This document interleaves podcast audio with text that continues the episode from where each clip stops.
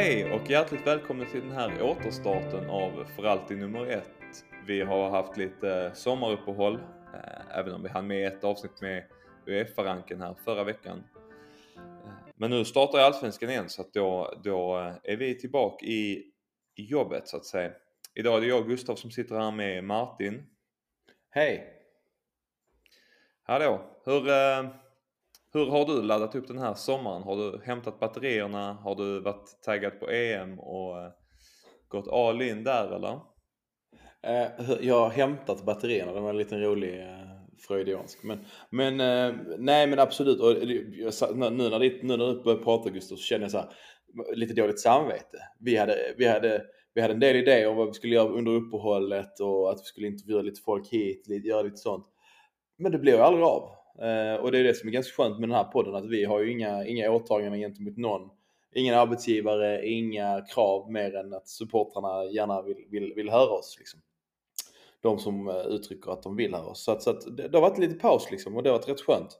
Eh, alltid skönt att koppla av eh, Malmö FF, eller koppla bort. Koppla av gör man ju inte med Malmö FF, men koppla bort det.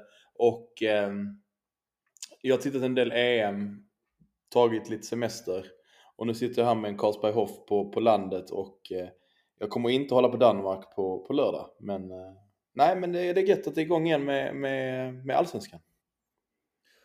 Eh, Och alla som har lyssnat här innan vet ju att jag älskar eh, bryggor in till andra ämnen och nu har jag haft så många så jag vet inte riktigt var jag ska börja. Eh, Så att egentligen börjar väl kanske med en av de nyheterna som påverkar MFF mest inför, inför lördagens match mot, eh, mot Norrköping och det är just Danmarks, jag vad ska man säga, EM-kvartsfinal. Där eh, vår otroliga AC sitter på bänken eller på läktaren och således inte är, eh, är tillgänglig för spel. Eh, och han kommer ju missa ett tag nu. Han kommer ju missa Norrköping garanterat och jag skulle ha svårt att tro att han är tillbaka till, eh, till Riga faktiskt. Så att eh, så det är ju en, en tråkig del av, eh, av EM som spiller över i liksom ens, ens MFF-supporterskap. Har vi, har vi varit inne på det Gustav? Alltså hur, vilken klass Danmark ändå besitter med tanke på att AC lämnas liksom på läktaren? Nej, det har vi inte, men, men samtidigt så här tittar man igenom vissa av de spelarna de har i, i den truppen så är det ju fortfarande det är ganska många som, som är på en hög nivå. Eh, Men, men jag kan tycka det är lite konstigt att han har varit så långt bort hela tiden. Men eh, ja, samtidigt får man väl vara glad för att han, han verkar ju fortfarande vara en del av, eh, av, av truppen och laget och de verkar ha, de lägger upp klipp på, på Youtube med honom så att han verkar inte vara han verkar inte bara vara medtagen som maskot utan han verkar ju faktiskt vara eh, till viss del med i truppen. Liksom. Ja, men jag, jag tycker någonstans det är lite anmärkningsvärt ändå med tanke på det som, som, som hände Christian Eriksson Att han inte kom, kom närmare än, än då bänken sist. Liksom. Eh, att det tog så pass lång tid ändå. Men, men nog om det som du säger. Jag tror att för Malmö FFs del så tror jag det är ett ganska stort tapp att inte ha med honom från starten nu.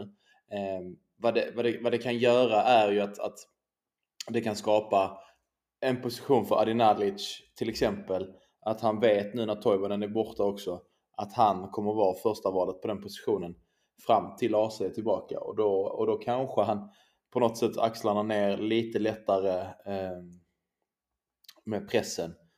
Eh, att det kan vara en fördel för Adinalic, hoppas på det. Och att han inte bara då ska dribbla och visa sig från sin bästa sida eh, på det sättet utan även kan hitta, hitta andra kvaliteter som jag tror att han besitter. Men jag vet inte vad du säger.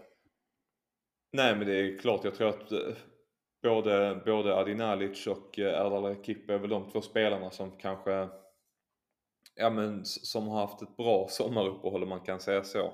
Eh, Adinalic har ju, det är ju såklart inte, han är nog inte glad över att Ola Toivonen är, är skadad men precis som du är inne på nu när AC är borta också så, så är det ju klart att alternativen som på tian är lite färre. Och detsamma gäller ju då Erdal. Eh, och man får ju verkligen hoppas att de tar chansen och, och presterar på topp och inte kanske inte känner sig för lugna men inte heller den här otroliga pressen att de måste eh, överprestera på något sätt nu eftersom de ska cementera sin plats i startelvan. Nej men och, du, du nämnde bryggor innan och nu när vi börjar prata Adinalic så blev jag nästan lite förbannad igen. Lite provocerad var jag när jag såg på, på Instagram att han var över på, eh, på, eh, på, parken i, i häromdagen och kollade eh, Spanien-Kroatien. Och då bara känner man så fullsatta läktare där, övermycket folk och sen, menar, det, det sista vi behöver är, är ju Adinalic, liksom corona, coronavirus nu till återstarten och inför, inför eh, Riga. Det hade varit lite jobbigt med ytterligare ett, ett manfall där liksom. Ja, såklart är det så. Eh, men om vi tar en titt lite här mot, eh, mot Norrköping. Jag tänker att vi, vi går in lite på, på dem. Eh, jag har precis suttit och pratat här med Sebastian för en liten stund sedan om läget i, i Norrköping. Och det, ja, det kan ni höra här lite senare men, men det är ju lite oklart. De har lite skador och precis som vi har Toivonen och AC borta så har de ju precis sålt Haksabanovic och som MFF-are så måste man ju säga att det är ganska skönt på något sätt. För att det är ju tillsammans med Adegbenro eh, de, de två spelarna som kanske har kommit upp i nivå i Norrköping i år. För att i övrigt har de ju varit lite upp och ner. De förlorade eh, två av de tre sista matcherna innan uppehållet, kryssade den, eh, den tredje där. Så att ser man till, till liksom Norrköpings vår så är den lite oklar tycker jag. Jag har inte riktigt hittat Alltså jag kan inte sätta fingret på, på vad jag väntar mig av dem. Det är liksom inte Rickard Norlings AIK man ser, men det är kanske inte heller den här Jens Gustafssons eh, offensiven man alltid ser. Jag vet inte vad du känner kring, kring Norrköping som lag i år? Nej, alltså ganska svårplacerat som du säger. Jag tycker någonstans ändå där finns bra kvaliteter i Adegbenro bland annat och så hade vi ju Haksabanovic som inte alls flög. Ehm, och det, det är väl kanske lite så ur fantasy-synpunkt som man har tittat, tittat på Norrköping och hittat, försökt hitta kvalitetsspelare. Men sån som Isak Bergman Johannesson som vad det verkar ha flyttats in mer centralt gör ju mycket mindre poäng och, och det är svårt att hitta. och De har inte hållit några nollor trots liksom en, en, en bra på pappret defensiv och bra målvakt och så. Så att nej, extremt liksom pendlande eh, insatser från ett Norrköping. var jag, jag har inte suttit och tittat jättemånga matcher. Men, men highlights-paket och eh, en del slökollande har man ju hunnit med. Liksom, så att, nej, det, det, och det, det skrämmer mig lite att vi har dem i en åter, återstart. Det kommer väl i veckan nu här på Twitter om inte det är vi som drar igång det nu med detta. Men det här med, med efter uppehåll och Malmö FF är ju ingenting som, som, eh, som eh, statistiskt är så positivt. Nej och sen så finns det ju en annan faktor i, i den här matchen just som är Jag är ju väldigt glad på något sätt att vi börjar röra oss tillbaka. Men det finns ju en faktor som faktiskt kan vara lite jag vill inte säga problematisk, men lite annorlunda för vissa spelare tror jag. För att nu kommer det vara, inte några jättesiffror. Norrköping har fått godkänt att ha 2740 pers på läktaren. Eh, så det, det är ju liksom inte fullsatt och det kommer inte vara det här trycket eh, som, som man kanske hoppas på och ser, ser så mycket fram emot. Men det är ett ganska stort steg upp från var vi var i slutet av maj när det var åtta pers på läktaren och det tycker jag ska bli kul på något sätt även om det är ja, nu är det inte man själv som får gå utan det är ett gäng Norrköpingssupportrar. Det ska bli kul med lite publik och lite liv på läktaren och, och tryck därifrån. Ja men alltså som du, både du och jag har varit liksom sett, sett eh, Malmö FF på, på stadion med, i division 3 nu med damerna. Och det har ju varit liksom en 300-500, lite där, allt däremellan liksom. Och det har ju varit ett enormt tryck eh, bara det liksom. Då kan man tänka sig när det, när det blir uppåt 3000 att det kommer vara en enorm skillnad i ljudkuliss och en enorm känsla liksom. Eh, även för oss som, som, som bortalag. Och det, det får man väl hoppas att det någonstans kanske kan tända till spelare som, eh, som Colak, Birmancevic, Rakip, eh, Ahmed Hodzic verkar vara kvar. Eh, och sen så, så är det ju frågan här, vad, vad gör man? Eh, ja, eh, precis, Anna Leif säger avstäng nu när du...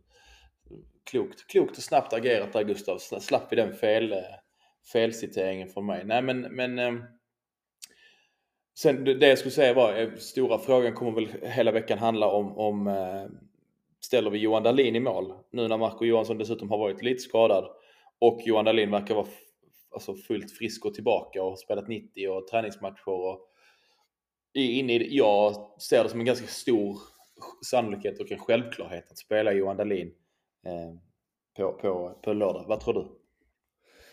Alltså nu ska man väl ha klart för sig att Johan Dahlin har väl inte hållit nollan i de här träningsmatcherna han har spelat men eh, eh nej skämt åsido. Jag tror att eh, jag tror också att Dahlin eh, kommer starta för att eh, ja, det mesta verkar väl peka mot att han han har tagit sig tillbaka om det nu verkar vara lite strul med kanske med Marco. Jag vet inte eh, om han har, har, har fått någon smäll eller så eller någon skadekänning men ja, det är väl ganska naturligt och ganska väntat att när Johan Dahlin var tillbaka och när han hade fått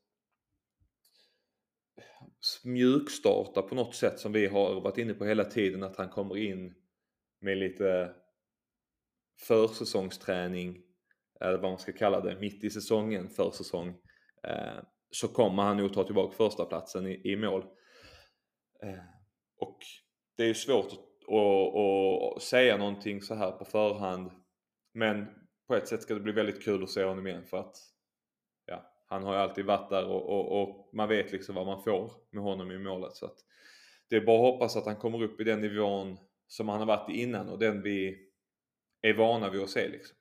Något annat Gustav som du vill se så här när, det, när Allsvenskan drar igång igen på lördag? Jag eh, måste vara helt ärlig och säga att, att liksom, den allsvenska känslan har inte riktigt infunnit sig i mitt lugn här på, på landet än. Eh, den kanske kommer, men någonstans liksom när man satt och såg Sveriges uttåg igår ur EM och tänkte liksom att men gött, på lördag är det MFF. Så var det ändå så att det kändes någonstans inte på riktigt. Det känns typ som att det är en träningsmatch som ska dra igång liksom efter uppehållet, efter EM är slut. Eh, jag har lite svårt att placera liksom både känslor och, och, supporter, eh, ja men vad ska man säga, supporterhjärnan i, i den här liksom i den här sommaren eller vad man ska kalla det. Jag vet inte riktigt hur jag ska uttrycka mig.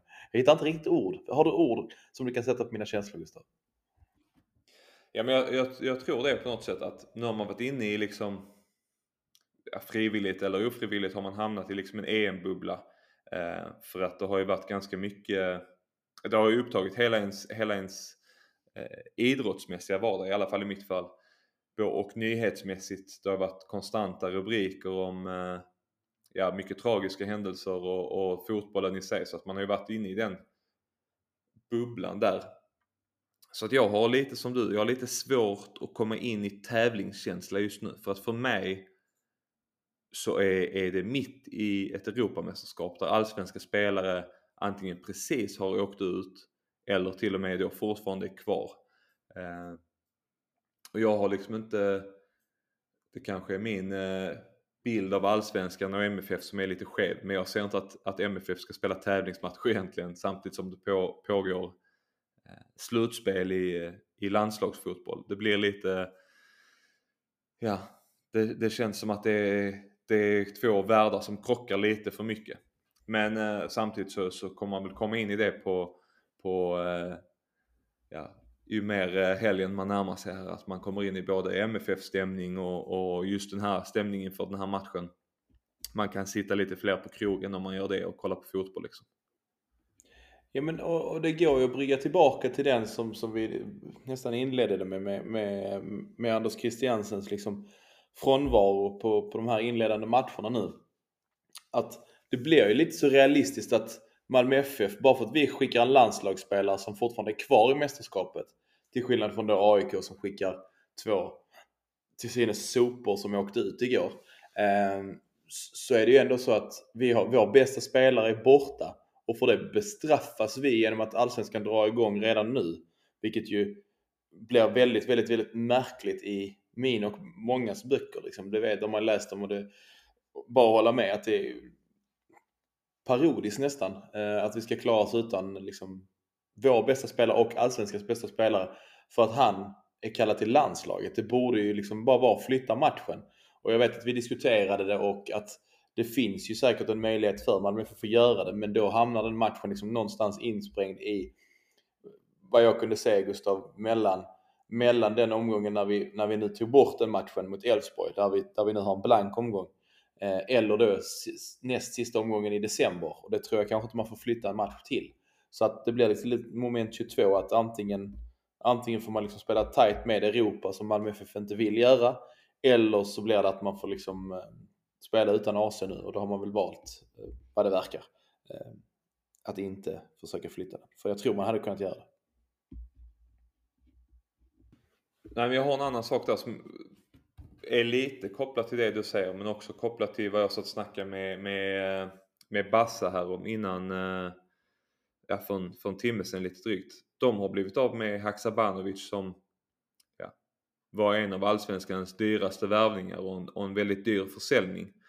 Eh, men, men kan liksom inte värva in en ersättare på eh, ja, lite drygt två veckor. Och samma gäller ju oss då om vi skulle vilja värva in mer spets eller så vidare. Eh, Niklas Moisander till exempel. Eh, så, så, är det ju svårt. Det blir på något sätt en, en skev balans i mitt huvud i alla fall när man har en tävlingssäsong som drar igång utan att lag får ställa upp med sina bästa spelare för de är på landslagsuppdrag. Eh, som man fattar på något sätt att spelarna vill åka på, att de kanske måste åka på speciellt ett sånt, eh, med tanke på digniteten på tävlingen. Det är liksom inte en träningsturnering.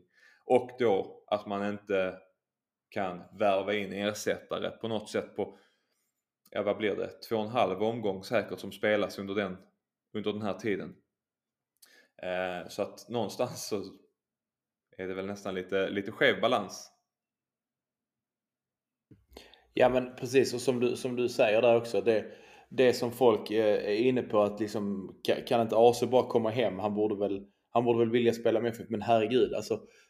Det är klart som fan att även om inte han spelar en minut i EM så som du sa innan, han är otroligt delaktig, han är med på träningar, han känner sig nu som en del av laget och det är liksom hans land han, han representerar.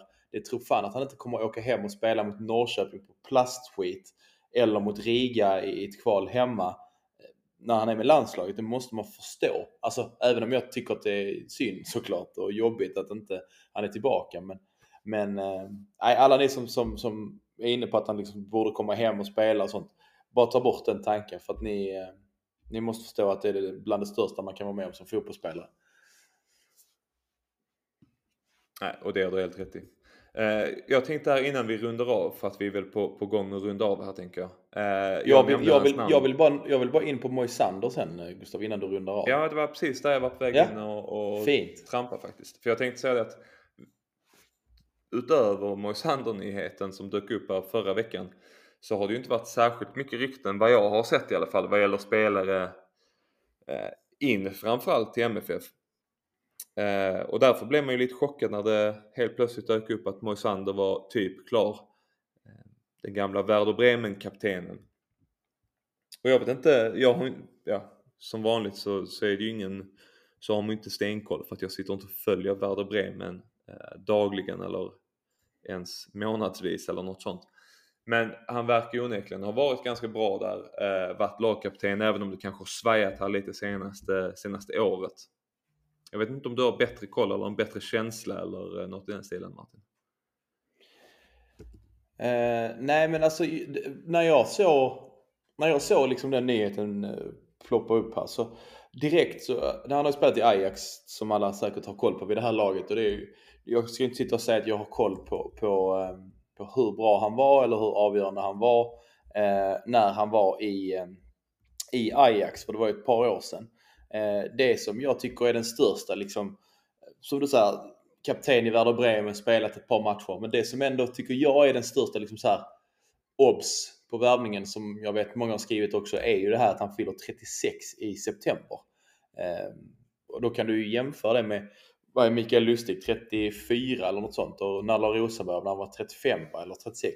Så att mm, den är ju lite sådär, alltså vissa spelare håller ju längre, inga namn nämnda men alla vet ju någon eh, som, som borde varit Malmit men som inte är nu längre.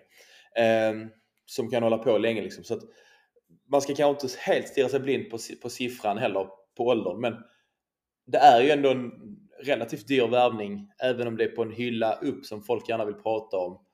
Och eh, en kvalitetsspelare då som, som förhoppningsvis får vara skadefri Gustav. Men ja, det, det är väl kanske det enda som, som eh, jag kan känna är lite sådär halvt osäkert.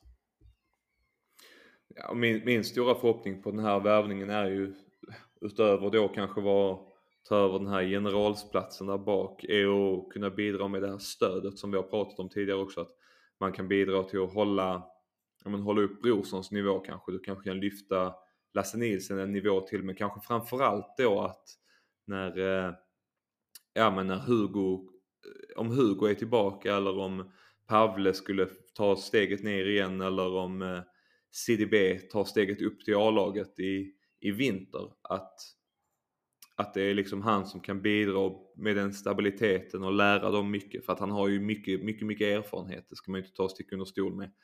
Eh, så att förhoppningsvis så eh, förhoppningsvis så kan han bidra med det också.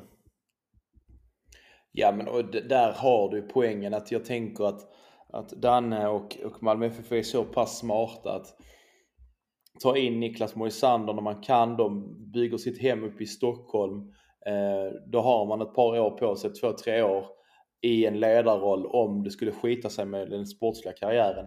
Nu när framförallt när Toivonen också är borta resten av den här säsongen så kommer det in liksom en, en, eh, en otrolig ledare som liksom är du, är du lagkapten i Werder Bremen, har vunnit liksom ligan med Ajax, Ehm, ja men då är du på en, på en bra kvalitet liksom. Eh, sett, sett till vad du kan ta med dig till Europamatcher, till till det spelet som, som kommer att krävas. Liksom. Även om han kanske då inte står på banan, vilket man ju kan hoppas om han nu är så pass bra som, som man vill, vill, vill tro som MFF. Jag, jag kan ju förstå folk som utifrån ser det som en eh, chansning och så vidare, Gustav. Men eh, nej, eh, skönt. Det, det, är kul med lite fast och nytt blod också. Så är det. Eh, men med det så tänker jag att vi släpper in eh, intervjun med Sebastian här. Eh, och sen så håller vi för den här gången så hörs vi igen efter, efter Norrköpingsmatchen uppe på Platinum Cars Arena. Som vi förhoppningsvis då vinner. Ha det gott! Hej! Hej! De har inte det vi har. Vi har allt. De har inte allt. Enkelt. Och vi sitter här nu med Sebastian, Norrköpingssupportern som eh, ganska många kanske känner till av, eh, av våra lyssnare som sitter på Twitter. Eh, men jag tänker att jag, jag ska inte eh, skrämma bort någon så att du får väl presentera dig själv först och sen så får vi se hur många som lyssnar på hela avsnittet. Ja, det tänker jag att jag kommer ha den effekten. Eh, ja, nej men Sebastian Bengtsson heter jag. Eh, jag är ordförande i Picking Fans och eh, aktiv twittrade då under Fråga till en kompis. Eh, så, eh, haft säkert haft duster med många, många lyssnare och dig också för den delen genom åren. Nej, det är bra så. Och, och, du sitter ju här, även om vi har haft våra duster så, så har vi kommit ganska bra överens. Eh, och det är väl, ja, du är, du är en av de Norrköpingssupportrarna som sticker ut i mängden. Inte bara för att du är den som har en ganska stor plattform själv, men du har ju en ofta ganska vettiga åsikter. Även om man kanske ignorerar det, eh, ja, någon gång då och då på året när det blir för mycket om, för mycket om MFF. Ja, jag tycker det är kul att retas, men det, är ju, det delar jag ju med många av er också, tycker jag mig kunna känna av. Ja, så är det ju definitivt.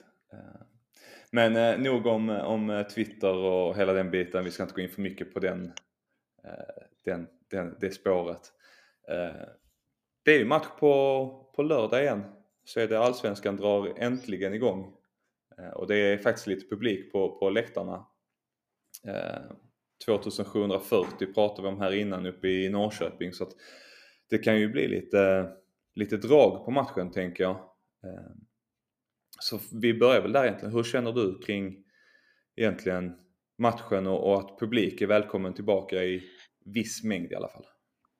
Det är ju såklart i grunden jättekul att folk får börja gå på match, match igen.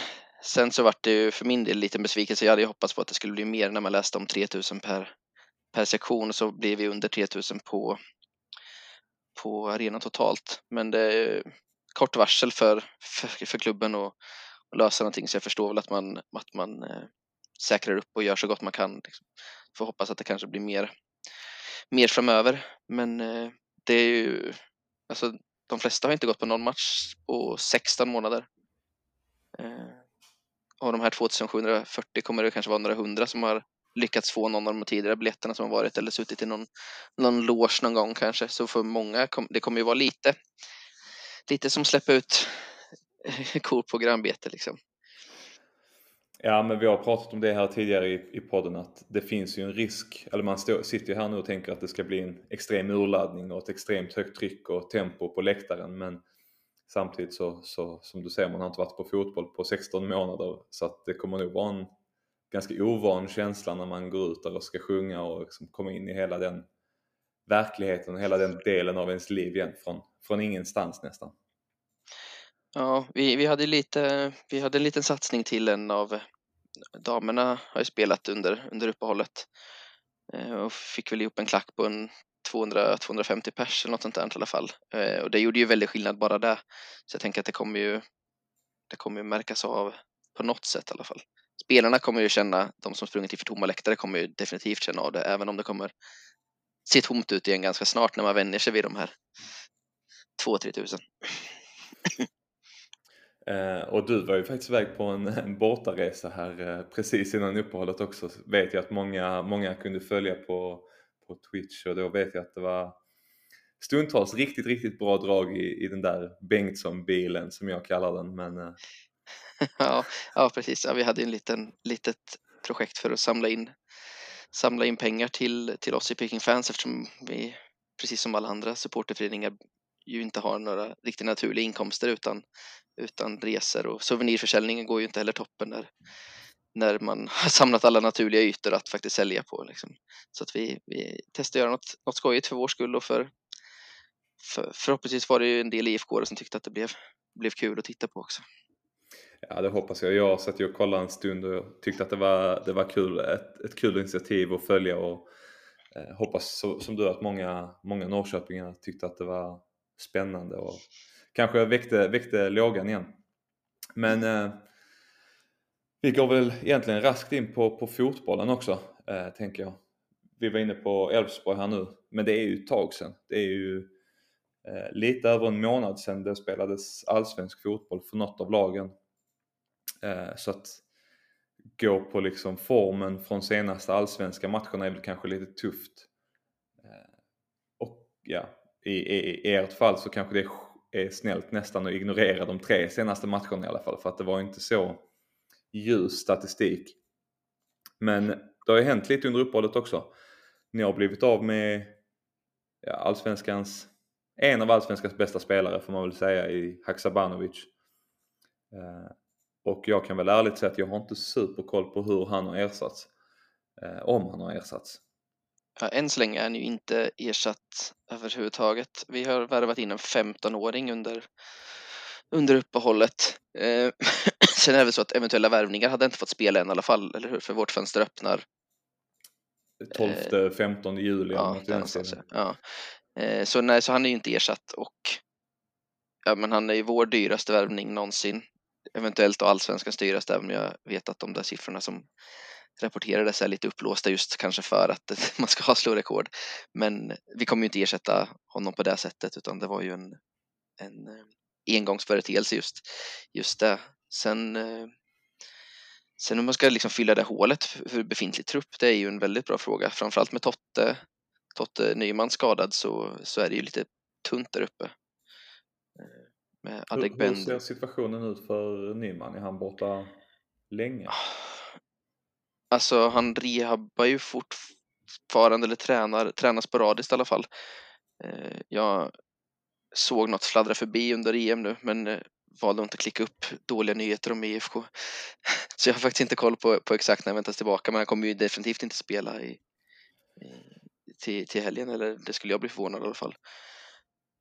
För annars låter det som en ganska bra vad ska man säga, sätt att ersätta Haksabanovic på med den trion längst fram med Adegbenro, Levi och, eh, och Nyman då. Men eh, ja, det är väl skönt för, för oss i alla fall, eller för mig, att han är borta för att han eh, Ja, vad ska man säga efter förra året och senaste åren. Han har varit rätt duktig mot MFF och hade ju en skön duell med Erik Larsson förra året som inte gick så bra för, för fina Erik Larsson i alla fall.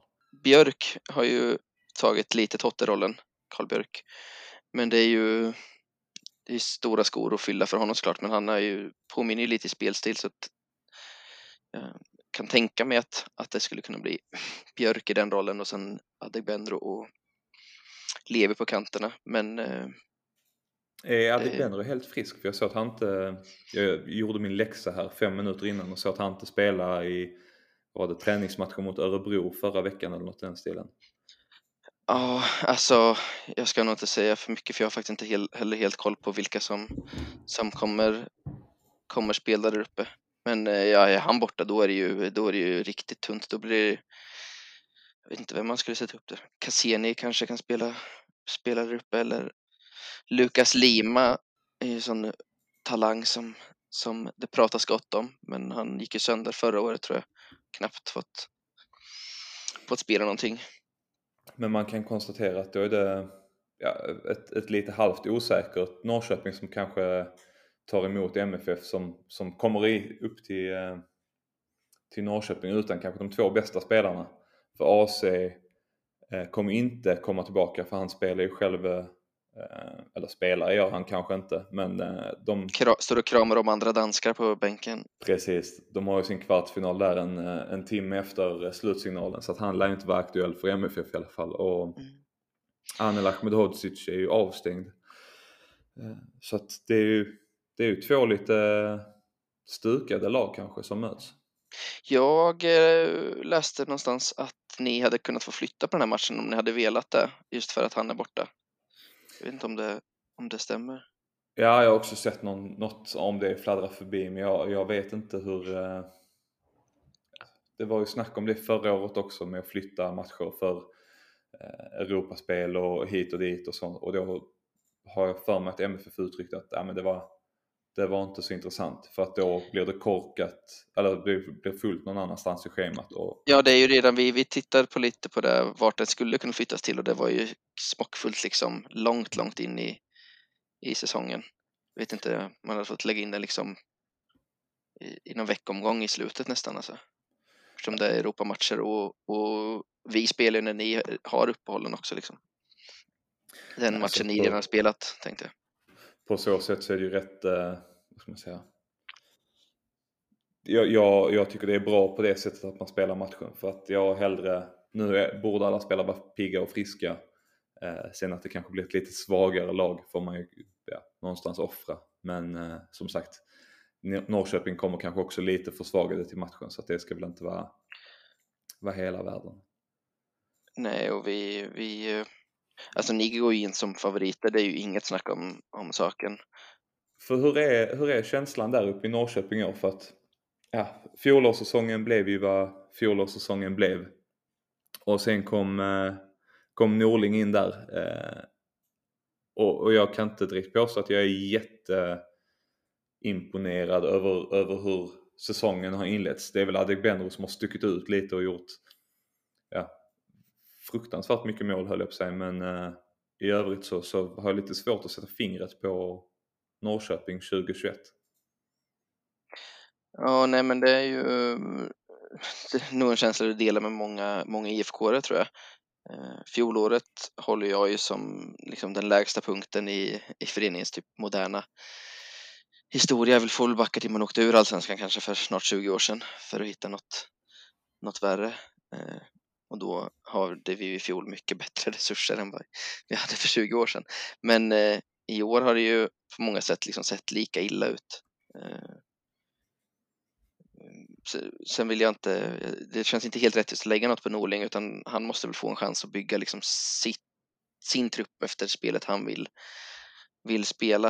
Eh, och truppen är ju tunn nu. Liksom.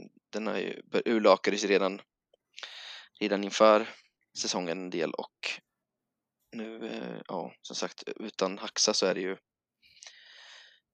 det är Haxa, Haxa och Totte borta så är det mycket spets som har, som har försvunnit på väldigt kort tid. För det känns ju som att man lägger, även om han är en enorm talang, så känns det som att mycket hamnar på eh, Bergman Johannesson. Att han ska, han ska kliva fram som, som Norrköpings liksom ledare på något sätt tillsammans kanske med Fransson egentligen men eh, Ja, och Fransson har ju vara den bästa utgående spelaren. kontrakt Ja. som går ut om typ 10 dagar eller något sånt där. Alltså till, till det där fönstret öppnar. Eh, Och det känns ju Och Bergman, nej, Det känns ju tufft att lägga, det känns ju tufft att lägga liksom det ansvaret på, på han, 18-åring typ, eller 19 kanske han har hunnit fylla nu. Men han, han borde ju ha något år fortfarande där han kan gå och lära sig lite och, och ta igen och hela den biten. Ja, och han var ju sensationellt bra i fjol. Han har väl inte riktigt kunnat motsvara det heller nu, men det känns ju också kanske ah, när man är så där ung att det är inte många som håller i liksom samma högsta nivå hela tiden heller. Så jag får väl bara hoppas att han hittar tillbaka till det och som sagt orättvist att han ska konka, konka på laget. Eh, Så det är ju den rollen som Malle Fransson verkligen borde, borde ha eh, som, eh, som kulturbärare och eh, ja, veteran numera, även om det känns som att det var nyss han slog igenom. Ja, för det finns ju ett par spelare som man Ja, det, den här diskussionen har precis varit kring landslaget. Jag ska inte gå in på det, men det är alltid så här när de tunga namnen försvinner så, så räknar man med att ett par andra spelare ska kliva fram. Eh, och även om han är ny så är väl Oskar Jansson och ja, i viss mån även Linus Wahlqvist två spelare man har räknat med utöver Fransson som ska kanske egentligen gå i, i bräschen och, eh, och stå längst fram. Men ja, som jag varit inne på, det känns lite som att Norrköping, jag ska inte vara för kritisk, men att man inte riktigt har hittat sin, eh, sin plats efter de här bra åren. Att man har vacklat lite och sen inte riktigt hittat sin, sin naturliga plats och sina naturliga spelare som man kan kasta fram när det hettar till liksom. Ja, alltså det blir ju, det har ju, vi har ju varit jätteframgångsrika med förädla och sälja vidare och byggt upp föreningen på, på så sätt. Men eh, det har ju gjort att fotbollslaget har ju lite tagit, tagit stryk eh, av det och det är kanske där vi börjar liksom se, se resultatet av från och med förra, förra sommaren. Eh, och jag vet ju, jag tror att det var Alle Fransson som sa det att han var trött på att spela för att utveckla, utveckla andra spelare. Ibland vill man bara spela för att, för att vinna. Eh, så. Eh, men jag kan inte kritisera föreningen för det, för det här vägvalet för att det är så mycket, så mycket som har blivit bättre på ganska kort tid för oss. Men jag delar ju den frustrationen såklart över, över att kanske satsa lite mer på nuet och lite mindre på, på vad som ska komma i framtiden. Uh, ja, och, och det, ja, det sammanfattar väl egentligen tankarna rätt bra om, om Norrköping som sådant. Uh, så att innan vi går in på sista punkten så tar vi väl bara snabbt vad egentligen du har för känsla inför matchen på lördag. Är det, du sa ju nu att MFF är, kommer upp till Norrköping som favoriter men vad, vad hoppas man på? Vad räknar man med som supporter? Är det kryss eller är det... Alltså, ja, man hoppas väl alltid på vinst såklart annars Ja, är man precis. ju sjuk. Eh, nej men jag, jag alltså, tror, det är klart att, att hemmaplan ska vi väl vara starka tycker man och publik, jag tror publiken kommer bli en faktor som inte Eh, i och med att det blir något helt nytt men eh, men eh, vi har ju varit väldigt dåliga på hemmaplan senaste, ja vad kan det vara? Ja, senaste året typ från att det var en Borg så hade vi ju flera matcher i rad, ut, i rad med förlust. så det blir mycket negativt här men, men det är klart att, att man kan grisa sig till liksom en seger eller att, att ni kommer med lite underskattning kanske. Men, eh, men så här stora favoriter mot oss kan ni inte varit på bortaplan på väldigt länge. Nej, nej, man får hoppas, eh, jag, eller jag hoppas verkligen att det håller sig. Eh, Per själv har ju dåliga minnen uppifrån, eh, uppifrån parken. Det är ju, eh, jag minns inte exakt vilket år det var, men det var ungefär så varmt som det har varit den senaste veckan. Eh, och vi fick stryk med 3-1 tror jag det var. Och det var otroligt jobbig, jobbig dag. Eh, fullkomligt kokade, både liksom frustration över spelet och, och och i den värmen. Så att, eh, ja, men, eh, men som sagt, det kommer nog bli en spännande match. Eh, och, och eh, hoppas att ingen, inget av lagen lider för mycket av eh, att sådana viktiga spelare är, är borta. Eh, men innan vi rundar av här, vilket jag tänker att vi ska göra snart, så ska vi köra vårt klassiska segment med motståndarsupportrar. För det, det, är alltid kul att, att, få höra vad ni tycker om, eh, om oss. Liksom. För att vi, jag sitter ju och tänker på MFF konstant och, och det är liksom så nära en själv så man blir lite blind. Så att, eh, ja om du bara vill säga snabbt vem du tycker är mest överskattad respektive underskattad i MFF och det kan vara spelare, tränare och sportchef om man känner för det liksom. Eh, ja, nej men jag har ju väl en liten eh, dust med Frans Brorsson. Eh, sen vet jag kanske inte hur skattad han är. Han är väl mer liksom en, kanske en kultfigur och ser snarare än att han ses som någon typ av, av, eh, av eh, stjärna så. Eh, Erdal Rakip kanske är ett bättre namn på överskattad i sådana fall.